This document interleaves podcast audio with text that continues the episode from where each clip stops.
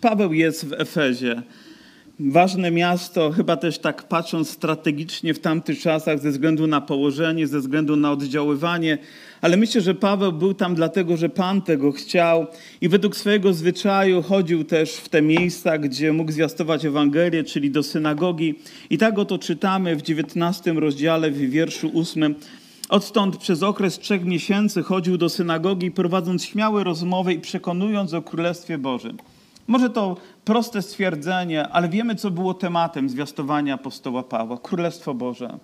Królestwo Boże, które przyszło, Królestwo Boże, które jest w nas i Królestwo Boże, które przychodzi. To temat, o którym my również powinniśmy pamiętać. Wiecie, mam wrażenie, że gdzieś słowo, nawet Królestwo Boże, gdzieś we mnie stało się takim tematem, który jest, znaczy samym stwierdzeniem takim trudnym ze względu na to, że jakaś grupa ludzi religijna, gdy mówi o Królestwie Bożym, to tyle nauki za tym idzie niewłaściwej, że nasz sposób patrzenia jakby jest taki, że nie wiem, czy w ogóle chcielibyśmy mieć coś wspólnego. Oczywiście, że tak. Oczywiście, że chcemy być częścią Bożego Królestwa. Przecież nie należymy do tego świata, ale należymy do Królestwa naszego Pana Jezusa Chrystusa. Wiemy, kto jest naszym Panem, wiemy, kto jest naszym Królem, wiemy, jakie rządy są nad nami i myślę, że zasady, które obowiązują w Bożym Królestwie, to zasady, które mają obowiązywać każdego dnia w moim sercu, w mojej rodzinie, mają obowiązywać w naszej społeczności. Tym chcemy żyć. Prawda, że tak? Amen. Chwała Bogu za to, że możemy mówić.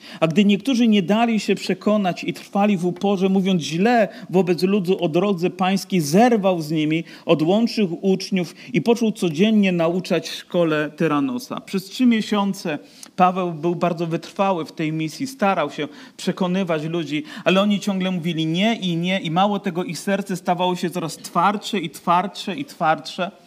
I myślę sobie, nawet ktoś taki jak apostoł Paweł i jego nieocenione zwiastowanie nawet było odrzucane przez ludzi, którzy powinni je przyjmować. Przecież oczekiwali na Mesjasza, oczekiwali na Boże Królestwo, a teraz coraz twardziej, coraz większa opozycja w nich się rodziła, aż w końcu nawet apostoł Paweł nie wytrzymał, powiedział dość.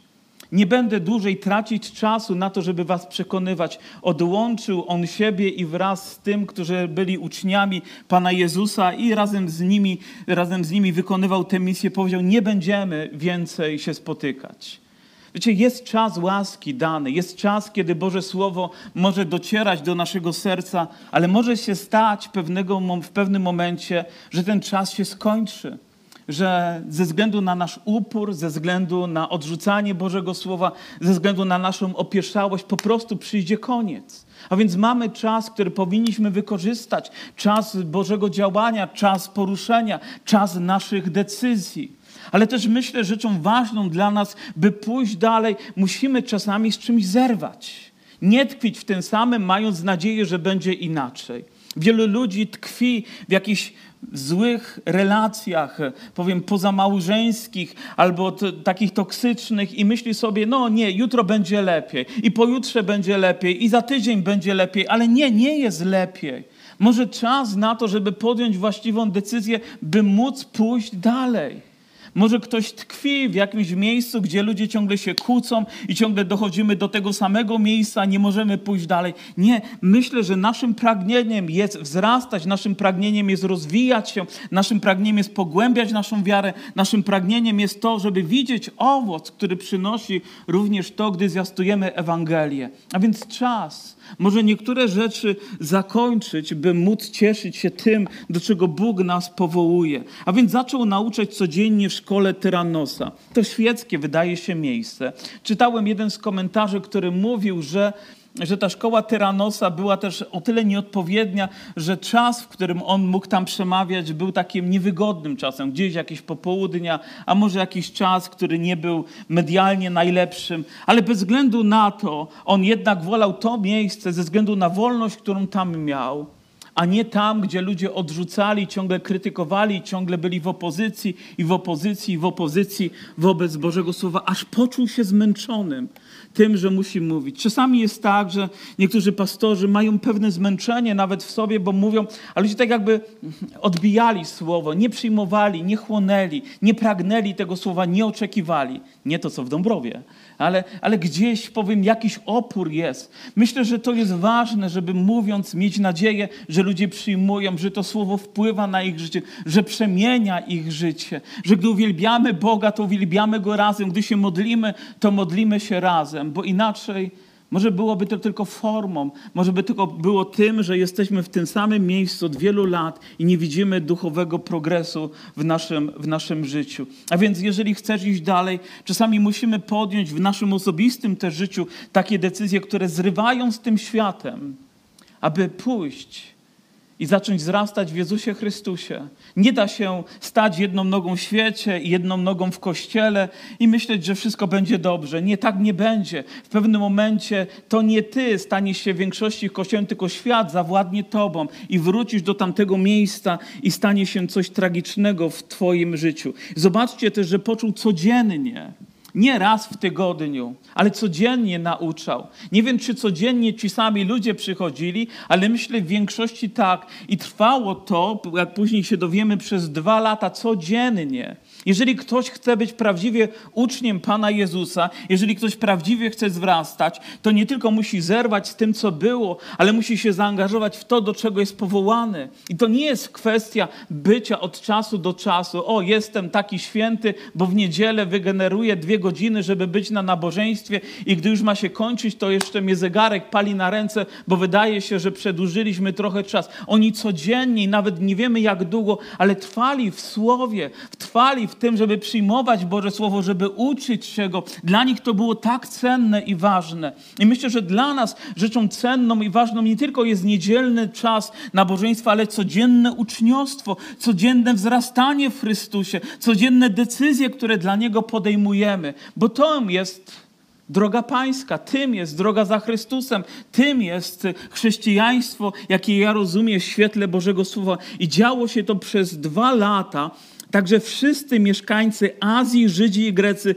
mogli usłyszeć słowo pańskie. Nie wiem, czy to nie jest pewne uproszczenie, ale wygląda na to, że poprzez to, co czynił Paweł, Ewangelia tak emanowała, że nie było w okolicy nikogo, kto nie zetknąłby się z drogą pańską, kto nie usłyszałby dobrej nowiny dlatego że czynił to codziennie, dlatego że był w tym wytrwały. Ale gdybyśmy cofnęli się i gdyby wciąż był w tym samym miejscu nie trzy miesiące, ale cztery miesiące i dwa lata, to prawdopodobnie stan byłby taki sam jak na początku, ale nic właściwego by się nie dokonowało. Niektóre decyzje są trudne, niektóre decyzje są bolesne, ale są potrzebne, byśmy mogli dalej wzrastać, byśmy mogli się rozwijać.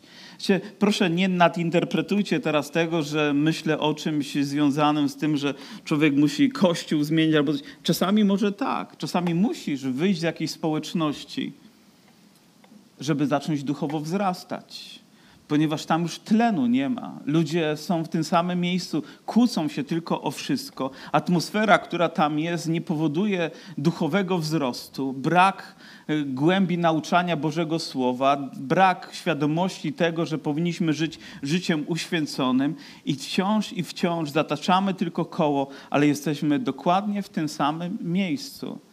Myślę, że decyzje takie uwalniające nasze serce to decyzje, które zbliżają nas do Boga. Nawet słyszałem kiedyś pewnego misjonarza, który opowiadał, jak będąc nawet młodym człowiekiem, musiał podjąć decyzję, żeby przesiąść się z ostatniego rzędu do pierwszego by nie słuchać tylko tego, jak koledzy komentują coś podczas nabożeństwa, ale skupić swoją uwagę na Bożym Słowie. I ta decyzja zaowocowała w jego życiu tym, co robił, tym, do czego był powołany. Ale gdyby siedział tam, gdzie siedział i nie wiem, co stało się z jego kumplami ze szkółki niedzielnej, ale wiem, co stało się z tym człowiekiem, który zdecydował, że chce poznawać Boga. Zdecyduj to. Zdecyduj to w swoim sercu, zdecyduj to dla Niego, a zobaczysz, jak ogromną różnicę będzie czynić to w Twoim życiu, gdy codziennie będziesz czytał Słowo, codziennie się modlił, codziennie poznawał Pana i nie mógł się doczekać tego, co Bóg dla Ciebie przygotował. Niedawno rozmawiałem z pewnym bratem, który ma też no, kogoś, kto pracuje u niego, jest wierzącym osobą i mówi tak, mówi, są dla niego ważne dni. Mówi, Niedziela, bo nabożeństwo, poniedziałek, bo modlitewne, wtorek, bo spotkanie klubu, w środę, bo nabożeństwo. I wiecie, że to ktoś z naszego zboru już, nie? Nie wiem, co robi w czwartek, w piątek, mam nadzieję, i w sobotę i trwa w Panu. Ale każdy dzień społeczności z Bogiem jest tak cenny. Amen? Słuchacie, słuchacie mnie jeszcze? Mam nadzieję, że tak. Niezwykłe też cuda czynił Bóg przez ręce Pawła. I teraz posłuchajcie. Tak nawet chustki lub przepaski, które dotknęły skóry jego, zanoszono do chorych i ustępowały od nich choroby, a złe duchy wychodziły. Myślę, że ten fragment jest jednym z ulubionych fragmentów ludzi, którzy lubią mówić o cudach. Ja też lubię mówić o cudach, bo Biblia o nich mówi. I że ten fragment napędza ich w tym, żeby też wokoło nich działy się rzeczy takie i nawet próbują naśladować to, co czynił, co czyniło się przez apostoła Pawła, że nawet chustki i nawet ubrania, które miał, bo tak inny fragment mówi, że, że to, co miał, narzucano innym, czy dotykało innych, i oni byli uzdrawiani i złe duchy wychodziły. I myśli sobie, daj Panie Boże, by się to powtórzyło. Któż z nas by tego nie chciał? Kto by nie chciał tak Bożego działania, tak Bożego poruszenia? Kto z Was nie chciałby dzisiaj wziąć z tego miejsca chusteczkę, zanieść do szpitala, do chorego, dotknąć, a on jest uzdrowiony? Są chętni? Ja, ja pierwszy pewnie bym nie jedną, nie, nie dwie, może bym tutaj kupił cały tuzin chusteczek i może jeszcze więcej. Albo ubranie, które można zanieść komuś, ktoś nosił, kto miał jakieś uświęcenie, namaszczenie i wtedy dokonywały się takie rzeczy. Wiecie, myślę, że z tego fragmentu mogą zrodzić się dwie rzeczy. A ja bym chciał wybrać tą trzecią rzecz. Jedna rzecz zrodziła się taka, która stała się nawet pewną doktryną w, w, w, kościele historycznym, że gdzieś, żeby miejsce było święte, to musi być relikwia. Słyszeliście, że każdy ołtarz, żeby był święty, to musi być tam relikwia. Musi być jakaś część jakiegoś świętego, żeby to miejsce mogło być święte. Nie wiem, czy ten fragment stał się kanwą tego, ale prawdopodobnie mógł być jednym z fragmentów, które zostały właśnie tak zinterpretowane Czy w ten sposób my powinniśmy postępować? Myślę, że nie, że absolutnie nie daje nam ten fragment żadnej takiej podstawy, byśmy taką teologię budowali. Inny fragment, no to pozbierajmy teraz jak najwięcej chusteczek, pomódlmy się o niej, niech one wykonają pracę za nas. Powiem, tam gdzie poślemy, możemy posłać jakiś strzępek materiału komuś, z kim korespondujemy, tylko jak go wysłać w MP3 dzisiaj, nie? jak go mailem przesłać, to byłoby nieco trudniejsze. Myślę, że również nie daje nam prawo do tego, żebyśmy tak nadinterpretowali. Ale wiecie, za czym marzę? Marzę za tym, żeby być tak blisko Boga, jak był apostoł Paweł, jak był Piotr, którego cień, gdy przechodził, gdzie wpadł i ludzie byli uzdrawiani, by w mojej obecności Bóg dokonywał tak niezwykłych rzeczy. Za tym marzę. Marzę, żeby to miejsce było też tak niezwykłe, nie dlatego, że mury czy inne rzeczy o tym świadczą, ale ludzie, którzy tutaj przychodzą, modlitwy, które są zniesione, atmosfera uwielbienia Bożej obecności oddziałuje tak, że gdy przychodzimy, nasze serca wzrastają, nasze serca są uwalniane, nasze życie jest przemieniane, Bóg dotyka nas, Bóg nas uzdrawia, Bóg zmienia nasz charakter, naszą postawę. Tak, za tym marzę, tego oczekuję. Ale muszę też przyznać, że słyszałem historię, dla mnie wydają się wręcz niezrozumiałe, gdzie ludzie uchwycili się nawet i tego fragmentu tak mocno, że modlili się o to, żeby jakaś chusteczka podzielona na wie, wiele części i gdzieś wtykana na przykład młodemu człowiekowi, który żył w świecie, matka to czyniła, gdzieś pod poduszkę mu wkładała, pod prześcieradło, gdzieś do ubrania, do buta, do, do plecaka, gdzie tylko mogła to strzępek obmodlonego materiału, a on żył w świecie, on był uzależniony tam chyba od narkotyków nawet, jego stan był straszny. Wiecie, co się stało? Nawrócił się. Naprawdę nawrócił się i zaczął służyć Bogu. Ale myślę, że to nie ten kawałek materiału, ale modlitwa tej matki, ich zaangażowanie i postawa, bo gdziekolwiek dotknęła, to mówiła, Panie, błogosław mojego syna, Panie, błogosław moje dziecko, Panie, spraw, żeby nawrócił się, Panie, spraw, żeby narodził się na nowo, zmień jego życie. I cokolwiek robiła, wchodząc do pokoju, czy dotykając, modliła się o swojego syna. I wiecie co, Pan wysłuchał tej modlitwy. Myślę, że tym, co zmienia nasze życie, to wiara, nie strzępek materiału, ale wiara, że Pan dotyka naszego życia i On je przemienia. Aleluja. Są dwie historie, jedna w Starym Testamencie i druga w Nowym Testamencie, które są nieco intrygujące i pozwólcie, że je, że je przeczytam. Jedna mówi o, o tym, jak Elizeusz umarł i pochowano go i następnego roku wtargnęły do kraju moabskie oddziały najezdnicze. To znaczy, że takie grupy wojska przybywały i wyczyniały tam złe rzeczy. I zdarzyło się, że gdy chowano jakiegoś człowieka, zauważono, że właśnie naciąga odciał najezdniczy. Rzucono wtedy tego człowieka do grobu Elizeusza. A gdy ten człowiek dotknął zwłok Elizeusza, odzyskał życie i wstał o własnych siłach. Podoba wam się? Za każdym razem, gdy chodzę do tego fragmentu, to moje serce się uśmiecha. Naprawdę cieszę się. Mówię, Boże, jak jesteś niezwykły w swoim działaniu. Dziękuję Ci, że poszerzasz mój gdzieś zasklepiony umysł i czasami może moją wiarę, żeby poszerzyć ją również o, o taką piękną historię, która się tutaj wydarzyła. Oczywiście moglibyśmy to zinterpretować po ludzku. Oni niosą człowieka, który nazwijmy nie jest martwy, ale w jakimś letargu. I oni, gdy zobaczyli te wojska, to rzucili go na ziemię i ten wstrząs, a później turlanie, to była jak reanimacja dla niego. Jak już dotknął, to już był żywy. Tak oczywiście nie było. Ale co się wydarzyło w tym dotknięciu? I zobaczcie, to nie tak, że Elizeusz ożył, tylko on ożył, a Elizeusz pozostał martwy.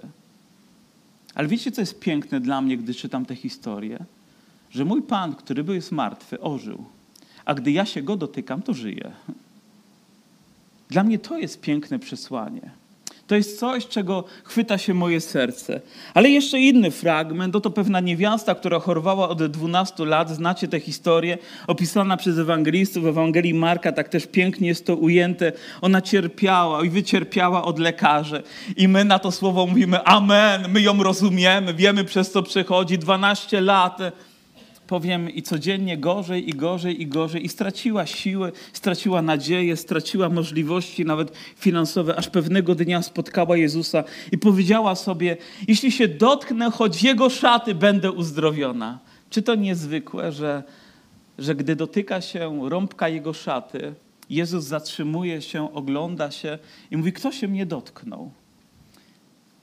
Jezus się pyta, kto się mnie dotknął? Przecież Pan wie, kto się go dotknął. Pan wie, które serce się go dotknęło. Pan wie, która ręka została wyciągnięta. A mimo, pyta, a mimo to pyta, kto się mnie dotknął? Jakby chciał, żeby ona publicznie też zadeklarowała swoją wiarę, żeby nie wróciła do domu. O, przypadkowo coś się stało w tłumie, jestem zdrowa. Ale nie, to to, że dotknęła się Jezusa, tak naprawdę Jezus dotknął się jej, bo Jezus wie, że moc z niego uszła i rzeczywiście dotknęła tej osoby i została uzdrowiona. Tym, który uzdrawia, jest Jezus Chrystus. Czasami formy mogą być różne, ale gdy przychodzi wiara i przychodzi Boża obecność i Jego moc, dla Boga nie ma rzeczy niemożliwych. Jakże chciałbym, żeby ci, którzy nadinterpretowują, może skupili uwagę bardziej na Chrystusie, a ci, którzy być może są tacy zamknięci, może szerzej otworzyli swoje serce, powiedzieli: Boże, Ty czynisz rzeczy takimi, jakimi chcesz. Ty, w ponadnaturalny sposób, więc niech mój może skostniały system religijny nie ogranicza Ciebie w tym, czego Ty i ja chcesz również tego dokonywać dla swojej chwały. A więc zanoszono, a choroby ustępowały. Gdybyśmy dzisiaj zebrali tutaj i później, żeby zrodziły się takie świadectwa, daj Panie Boże. A niektórzy z wędrownych zaklinaczy żydowskich próbowali wzywać imienia Pana Jezusa nad tymi, którzy mieli złe duchy, mówiąc: Zaklinam was przez Jezusa, którego głosi Paweł. A było siedmiu synów niejakiego Stewy, arcykapłana żydowskiego, którzy to czynili. A odpowiadając, zły duch rzekł im: Jezusa znam i wiem, kim jest Paweł, ale wy coście za jedni. I rzucił się na nich ów człowiek, e, w którym był zły duch, przemógł ich, pognębił ich, także nadzy i poranieni uciekali z owego domu. Oto niezwykła kolejna historia, która mówi o tym, że byli pewni ludzie, którzy podpatrzyli tego, co robił Paweł i jak robił Paweł, i chcieli to również robić. I nawet znaleźli sobie jak, jakąś taką sytuację, gdzie znaleźli człowieka i stwierdzili, że on ma złego ducha. Proszę, zwróćcie uwagę za każdym razem, gdy czytacie ten fragment, jest tutaj określenie zły duch, zły duch, zły duch. Myślę, że innymi słowy możemy powiedzieć demon, demon, demon. Za każdym razem jest to zły duch. Wiecie, ze złymi duchami nie ma zabawy, bo to są złe duchy. Nawet gdy pozornie wygląda to dobrze, to generalnie jest złe i to jest coś, od czego my powinniśmy się zawsze trzymać z daleka, ponieważ nie zdajemy sobie sprawy, z jak ogromnym niebezpieczeństwem możemy mieć styk gdzieś w jakiejś sytuacji ten zły duch znajduje sposób do tego, żeby dotrzeć do człowieka i zniewolić go od wewnątrz tak, że efektem tego są rzeczy, które go przerastają, których nie kontroluje, nie daje sobie z tym radę. Przychodzą myśli, przychodzą obarczenia, przychodzą takie destruktywne rzeczy, które przerastają i potrzeba ingerencji z zewnątrz, by tego człowieka uwolnić.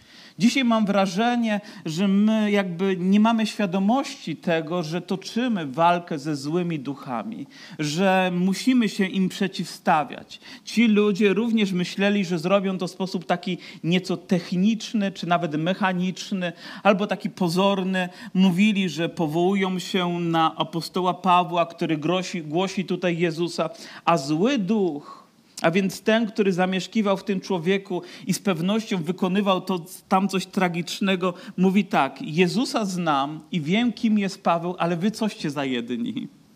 Ale wy coście za jedni. Mówi: Jezusa znam. On wie, kim był Jezus. Ten zły duch ma tego świadomość. I nawet znał Pawła. Wiecie, patrzę też na to i myślę sobie, to dobre świadectwo o Pawle, bo ten demon znał Pawła, jakby był zagrożeniem dla niego, bo gdyby tam Paweł się pojawił, to sytuacja byłaby zupełnie inna niż w przypadku tych siedmiu ludzi. Ich ojcem był nawet arcykapłan, a więc wydawali się, że, wydawało się, że odziedziczyli po nim to, czym chcieli się teraz posłużyć, ale w konfrontacji z tym złym duchem jest napisane, że on ich przemógł. Innymi słowy, ja wam powiem, on im po prostu dokopał.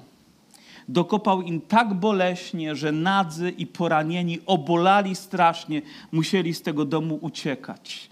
Powiem, ich sytuacja stała się niebezpieczna wręcz. I oto, gdybyśmy w konfrontacji ze złymi duchami, Próbowali posługiwać się tylko magicznymi sformułowaniami albo tym, co nam jest tylko intelektualnie znane, ale nie byłoby w nas autorytetu i mocy Chrystusa, to efekt będzie dokładnie taki sam, jak w życiu tych siedmiu ludzi, którzy próbowali tego dokonać. Gdyby Kościół dzisiaj był nominalny i próbował staczać tę walkę, posługując się tylko tym, co im jest znane, ale czymś, czym nie żyją, czymś, co nie jest mocą w ich życiu, to efekt efekt będzie dokładnie taki sam. Nie oni będą zwyciężać, ale to, co z zewnątrz zacznie destruktywnie wpływać i niszczyć ludzi.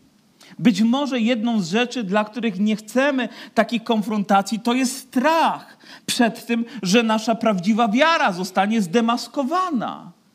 No bo wtedy okaże się, kim jesteśmy, czy mamy autorytet, czy mamy moc. A więc najlepiej trzymać się z daleka, trzymać się pozornie w bezpiecznym miejscu, bo w tym miejscu mogłoby wypłynąć na wierzch, że nie mamy tak głębokiej wiary, jakbyśmy tego pragnęli, i walka ta nie będzie stoczona tak, albo efekt będzie taki, że to my będziemy poranieni, a nie będziemy mieli zwycięstwa. I dlatego jest bezpiecznie gdzieś chować się za plecami innych. Bezpiecznie jest może krytykować, bezpiecznie jest gdzieś z daleka wyciągać swoje ręce, ale stanąć w pierwszym szeregu, by stoczyć taką walkę, to już odpowiedzialność, to już konfrontacja, w której musielibyśmy stanąć. I dlatego jest to tak trudne i być może nawet bolesne, i być może nawet dla Kościoła bardzo, bardzo bolesne. Ale gdy o tym dowiedzieli się inni ludzie, oto strach na nich padł. I to słowo jest tutaj użyte. I stało się wiadome wszystkim Żydom, jak i Grekom, którzy mieszkali w Efezie, i padł strach na, na nich wszystkich, a imię Pana Jezusa było wielbione. Za każdym razem, gdy czytam o jakimś wydarzeniu, w którym uczestniczy Boża chwała, Jego moc, zawsze myślę, że finałem tego powinno być to, o czym czytamy tutaj. A imię Pana Jezusa było wielbione. A imię Pana Jezusa, nie Paweł miał być wielbiony, nie Piotr miał być wielbiony, nie uczniowie, którzy również te rzeczy czynili, ale imię Pana Jezusa ma być wielbione we wszystkim, bo człowiek jest wolny, bo Ewangelia zwycięża, bo człowiek już nie musi nosić tego piętna w sobie, już nie musi być, nie wiem, e, owładnięty łańcuchami niemocy, ale doznaje łaski i zwycięstwa, aby imię Pana Jezusa było wielbione. To jest główne powołanie, dla którego ja i Ty zostaliśmy powołani w imieniu Jezusa, aby nasze serce było wolne do uwielbiania Boga. Oto, gdy patrzę też na ten fragment i na tą historię, która jest tak dość wyraźnie tutaj opisana, i myślę, że taka też powinna być w naszej, w naszej świadomości, myślę o tym też, co może zabezpieczać nasze życie przed ingerencją piekła. Kto może przeciwstawić się tej sile, która próbuje zdominować człowieka? Czy ja sam mam taki autorytet? Może mogę próbować mm, Biblię wyciągnąć i powiedzieć: O, to jest słowo, które napisane zostało po to, żebyśmy wierzyli. Ale to nie wystarczy. Święcona woda nie wystarczy. Potrzeba obecności Jezusa w naszym życiu, byśmy byli bezpieczni. Potrzeba jego krwi, która obmywa nasze serce, jak te, jak te futryny tak, tych domów egipskich, gdzie śmierć nie mogła wejść. Wtedy możemy być bezpieczni. Wtedy, kiedy trwamy w wierze, kiedy chodzimy z Jezusem, tam diabeł nie ma prawa wejść, tam diabeł nie ma prawa dokonywać zniszczenia, ponieważ jesteśmy Bożymi dziećmi. Amen? I dzisiaj wierzę, że diabeł nie ma prawa do tego zgromadzenia. Dlaczego? Bo uwielbiamy tutaj Jezusa.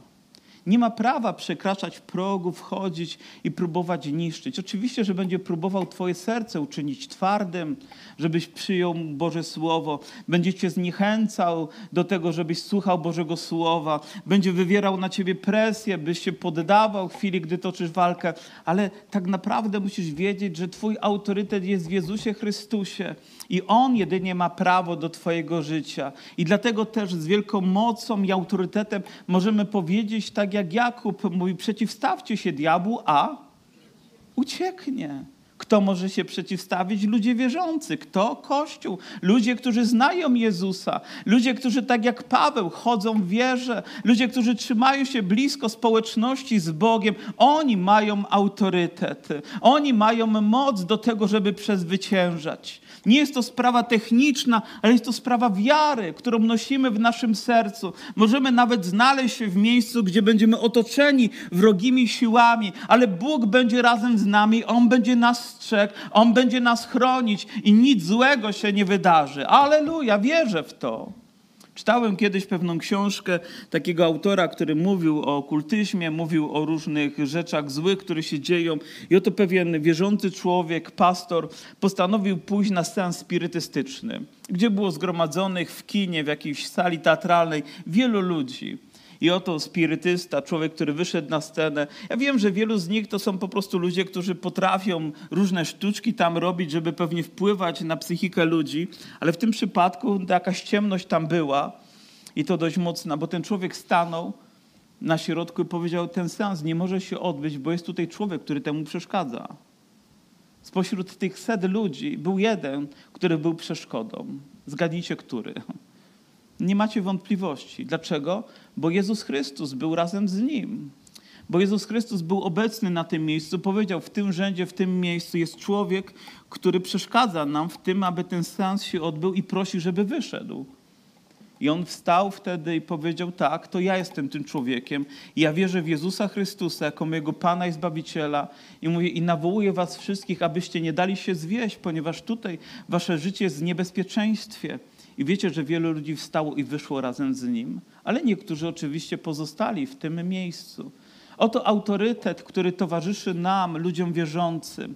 Oto prawo, które Bóg nam dał, które nosimy w naszych sercach, abyśmy nie myśleli nawet, że należymy do królestwa tego świata, do ciemności, ale do królestwa Bożego, do tego przynależy nasze życie. Chrześcijaństwo to nie tanie sztuczki, które chcemy wykonywać, ale to autentyczność każdego dnia, to życie, to modlitwa, to trwanie w Bożym Słowie i wtedy doświadczamy wielkiej mocy Bożej. Nawet każdy z Was, kto narodził się na nowo, każde Boże dziecko ma autorytet, aby modlić się nad swoim życiem, aby ogłaszać Boże zwycięstwo i panowanie nad swoim sercem, Bożą ochronę nad naszym domem i nad naszymi rodzinami. Ja w to wierzę.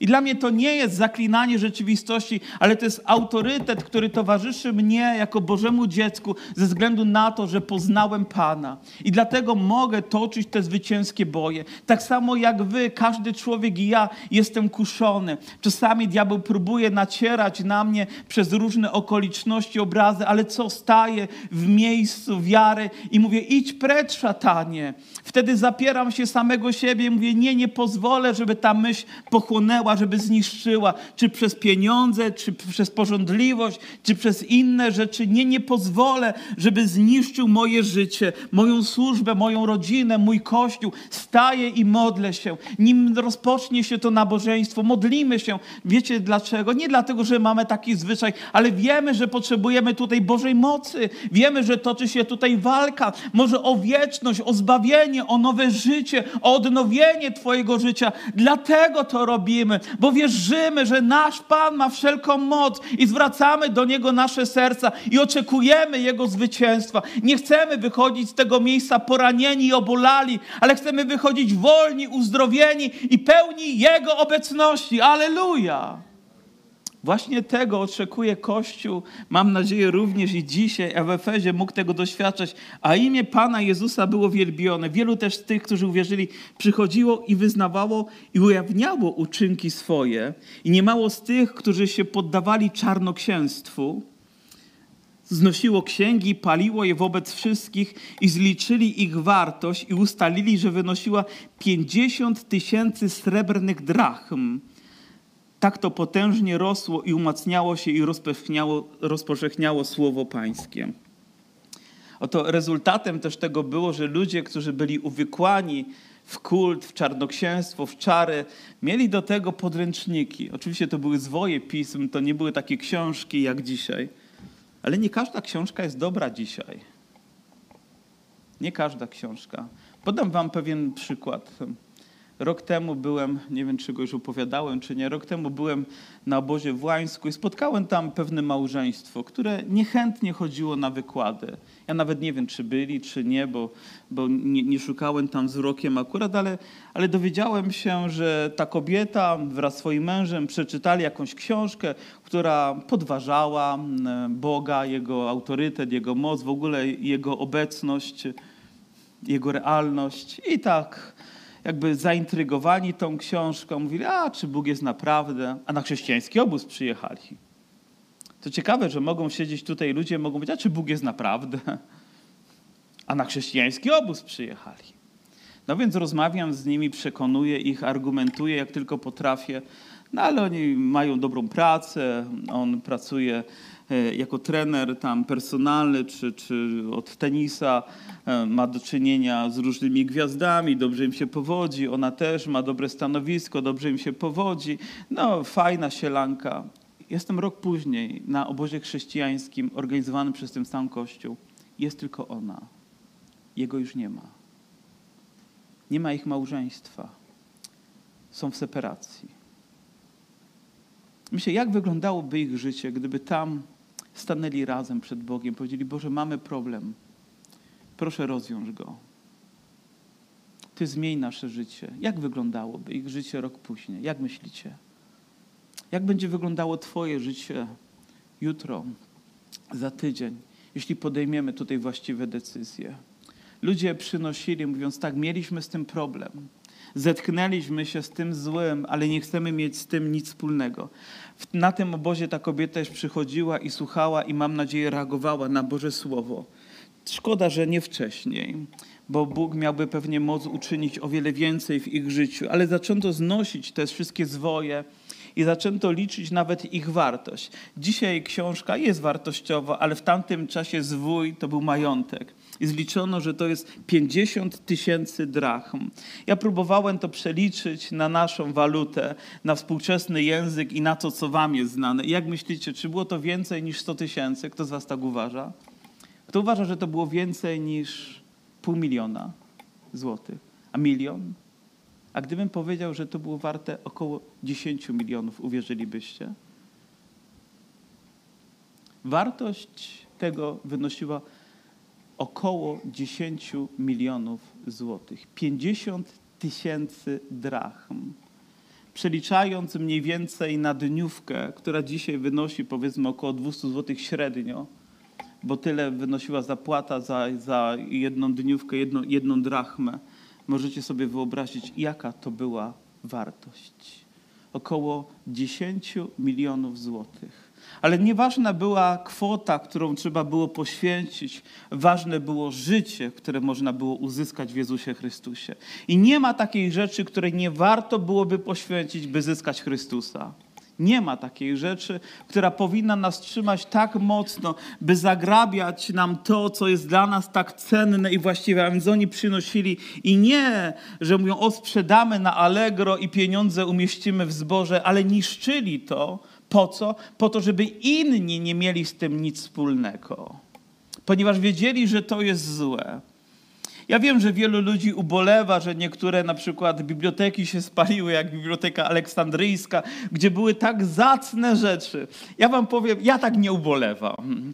Ze względu na to, że zdaję sobie sprawę, jaka literatura, jakie rzeczy mogłyby być przeniesione, ale one są wciąż oczywiście w różnoraki sposób przeniesione. I gdy dzisiaj bierzesz książkę, gdy dzisiaj zaglądamy gdzieś, musimy uważać również, bo i w tym tkwi nasze niebezpieczeństwo. Nie ma takiego programu, którego nie warto byłoby skasować, takich rzeczy, której trzeba byłoby się pozbyć. Kiedyś rozmawiałem z pewnym wierzącym człowiekiem, świadomie wierzącym człowiekiem, który budził się w środku nocy zaniepokojony zaniepokojony tym, co się dzieje w jego pokoju. Gdzieś coś było nie tak.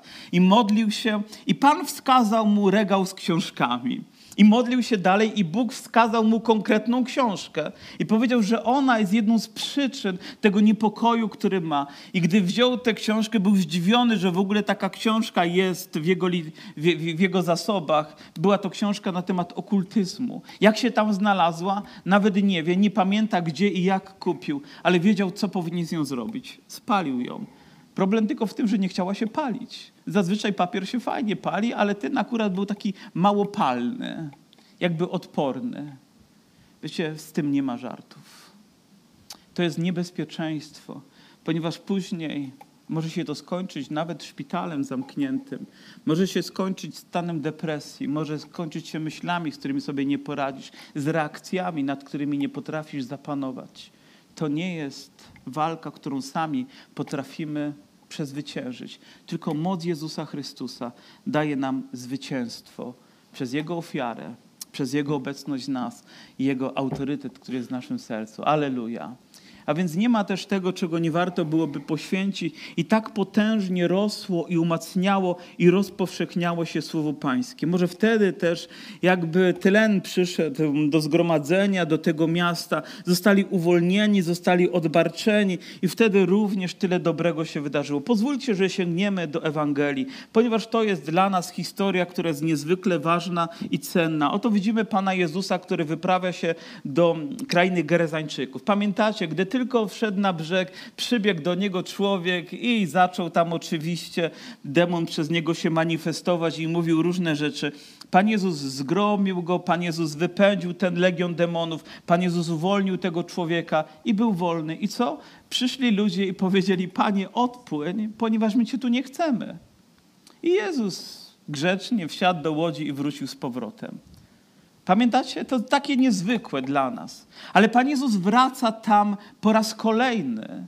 I wiecie, co się dzieje? Kraina jest otwarta. Ludzie przyjmują Boże Słowo, ludzie są uzdrawiani, dokonuje się wiele wspaniałych dzieł. Czy byłoby to możliwe, gdyby nie te spalone książki, żeby miasto mogło usłyszeć? Gdyby nie to, że ten wróg został pokonany, czy to jest możliwe? Dlaczego w niektórych miejscach mamy wrażenie, jakby klątwa towarzyszyła, jakby coś złego się wydarzyło i wciąż od, oddziaływało? Czasami takie rzeczy dzieją się w rodzinie, z pokolenia w pokolenie. Nie mamy racjonalnego wytłumaczenia, tak jak nie mamy wytłumaczenia też jasnego tego, dlaczego ten strzęp materiału zaniesiony tam ma taką moc, że ten człowiek jest uzdrowiony. Ale widzimy rezultat i tak samo w tym nie wszystko potrafimy wyjaśnić, nie wszystko potrafimy nazwać, może nawet, ale stwierdzić fakt, że tak w tym jest coś, czego ja jako wierzący człowiek nie powinienem mm, mieć miejsca, czy w moim życiu nie powinno to mieć miejsca, nie powinien się tym zajmować. I dlatego sprzeciwiam się temu. Niektóre leki, niektóre źródła, nie, niektórzy znachorzy, którzy nazywają się dzisiaj być może inaczej, powiem, nie powinni nigdy się z nami spotkać, albo my z nimi. Chyba tylko po to, żeby powiedzieć im Ewangelię o Chrystusie i pozbawić ich tego wpływu. Nie ma takiej ceny, aby Boże Słowo rosło i mogło rozpowszechniać się. Potrzebujemy wolności. Wiecie, jako Kościół powinniśmy uświadomić sobie, że walka się toczy, że nie wygramy jej sami. Potrzebujemy Chrystusa, potrzebujemy Jego mocy. I gdy pojawia się problem, nie odwracamy się, ale gdy głosimy Chrystusa, to głosimy Chrystusa, którego znamy. Chrystusa, którego doświadczyliśmy. Chrystusa, który ma moc w naszym życiu. A wtedy ta walka, ta bitwa będzie zwycięska. Amen? Może dzisiaj ktoś z Was potrzebuje duchowej walki. Może Twoje życie potrzebuje duchowej wolności. Może jeszcze, żeby zakończyć już i nie dojdziemy do rozruchów, które miały miejsce, w, oto plany Pawła. I te jedno stwierdzenie postanowił Paweł za sprawą ducha udać się przez Macedonię Achaję do Jerozolimy. Ten jeden zwrot jakby mówi o tym, jak wyglądało życie Pawła za sprawą ducha postanowił. A więc Duch Święty był tym, który kierował jego życiem. Duch Święty był tym, który wytyczał mu szlak. Duch Święty sprawiał to, że podejmował taką, a nie inną decyzję. Duch Święty miał tak ogromny wpływ i on wciąż tak ogromny wpływ chce mieć na swój Kościół. Tak ogromny wpływ chce mieć na moje życie.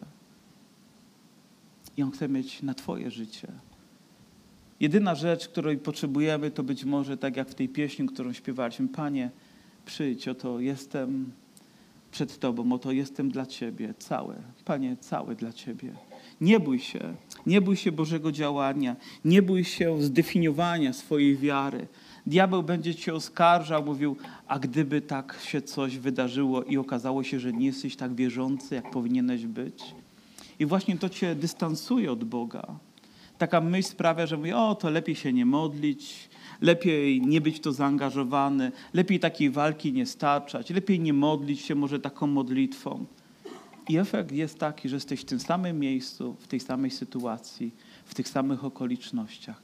Zacznij staczać zwycięską walkę, a zobaczysz różnicę w swoim życiu. Miej odwagę wypowiedzieć słowa wiary w imieniu Jezusa, którego znam, którego kocham, który jest moim Panem. Idź precz, szatanie. Imieniu Jezusa, który jest moim Zbawicielem, który obmył mnie z grzechów. Kiedyś słyszałem pewną historię, opowiadał mi ją mój szwagier wiele lat temu, gdzieś na szkole biblijnej też przyjechał kaznodzieja, który opowiadał, a więc pewnie się różni od pierwotnej wersji do tej, ale w jednym zborze powiem, pojawiła się pewna prorokini, kobieta, która miała taki dar, rzekomo, że potrafiła wypowiadać ludziom grzechy. A więc jeżeli ktoś coś złego zrobił, to bał się nawet na nabożeństwo przyjść. Kto z was by nie przyszedł na nabożeństwo, gdyby miał taki dar?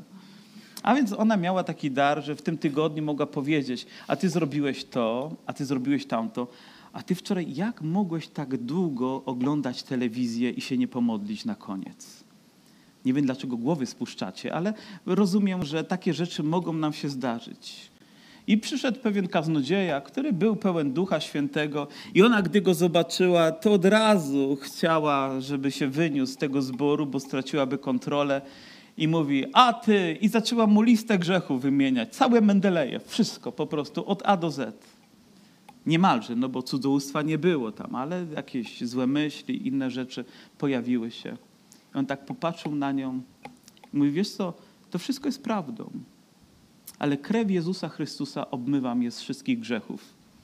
I wiecie, co się stało? Ona wybiegła, iż więcej się w tym zborze nie pojawiła. Ale krew Jezusa Chrystusa, ale krew Jezusa Chrystusa obmywa nas z naszych grzechów. Krew Jezusa Chrystusa daje nam wolność. Krew Jezusa Chrystusa daje nam zwycięstwo, bo ona ma w naszym życiu znaczenie. Amen?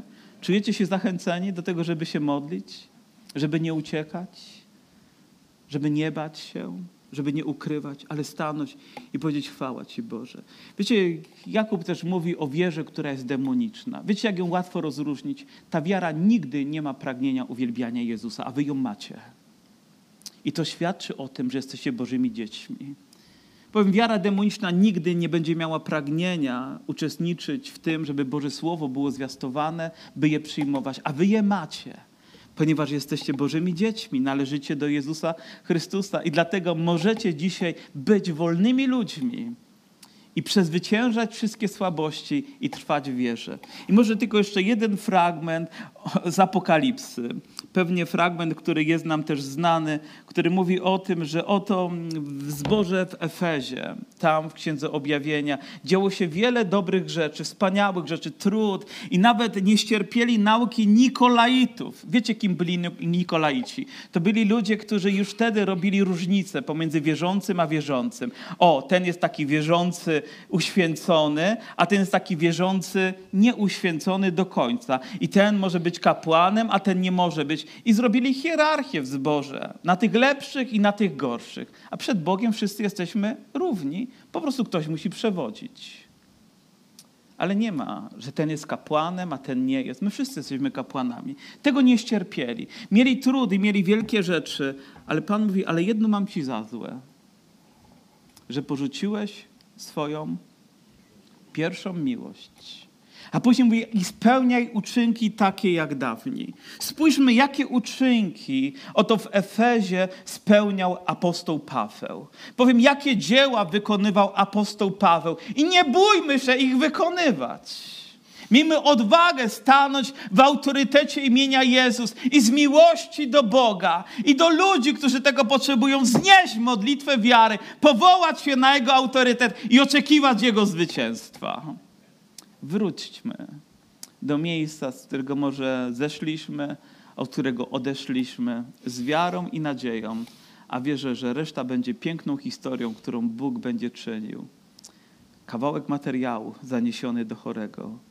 A cóż dopiero wierzący człowiek, pełen Ducha Świętego, może z olejem, który tam zaniesie w imieniu Pana Jezusa, postawiony tam przez Boga, modlący się, jaką to może wykonać różnicę? Wyobrażacie sobie? Niech Pan to sprawi dla swojej chwały. Powstańmy do modlitwy. Powstańmy, bo mamy pragnienie oddać Bogu chwałę. Powstańmy, bo wielu z Was dzisiaj jakby zostało zachęconych i uwolnionych od strachu, a zachęconych do tego, by trwać w uwielbieniu dla Jezusa.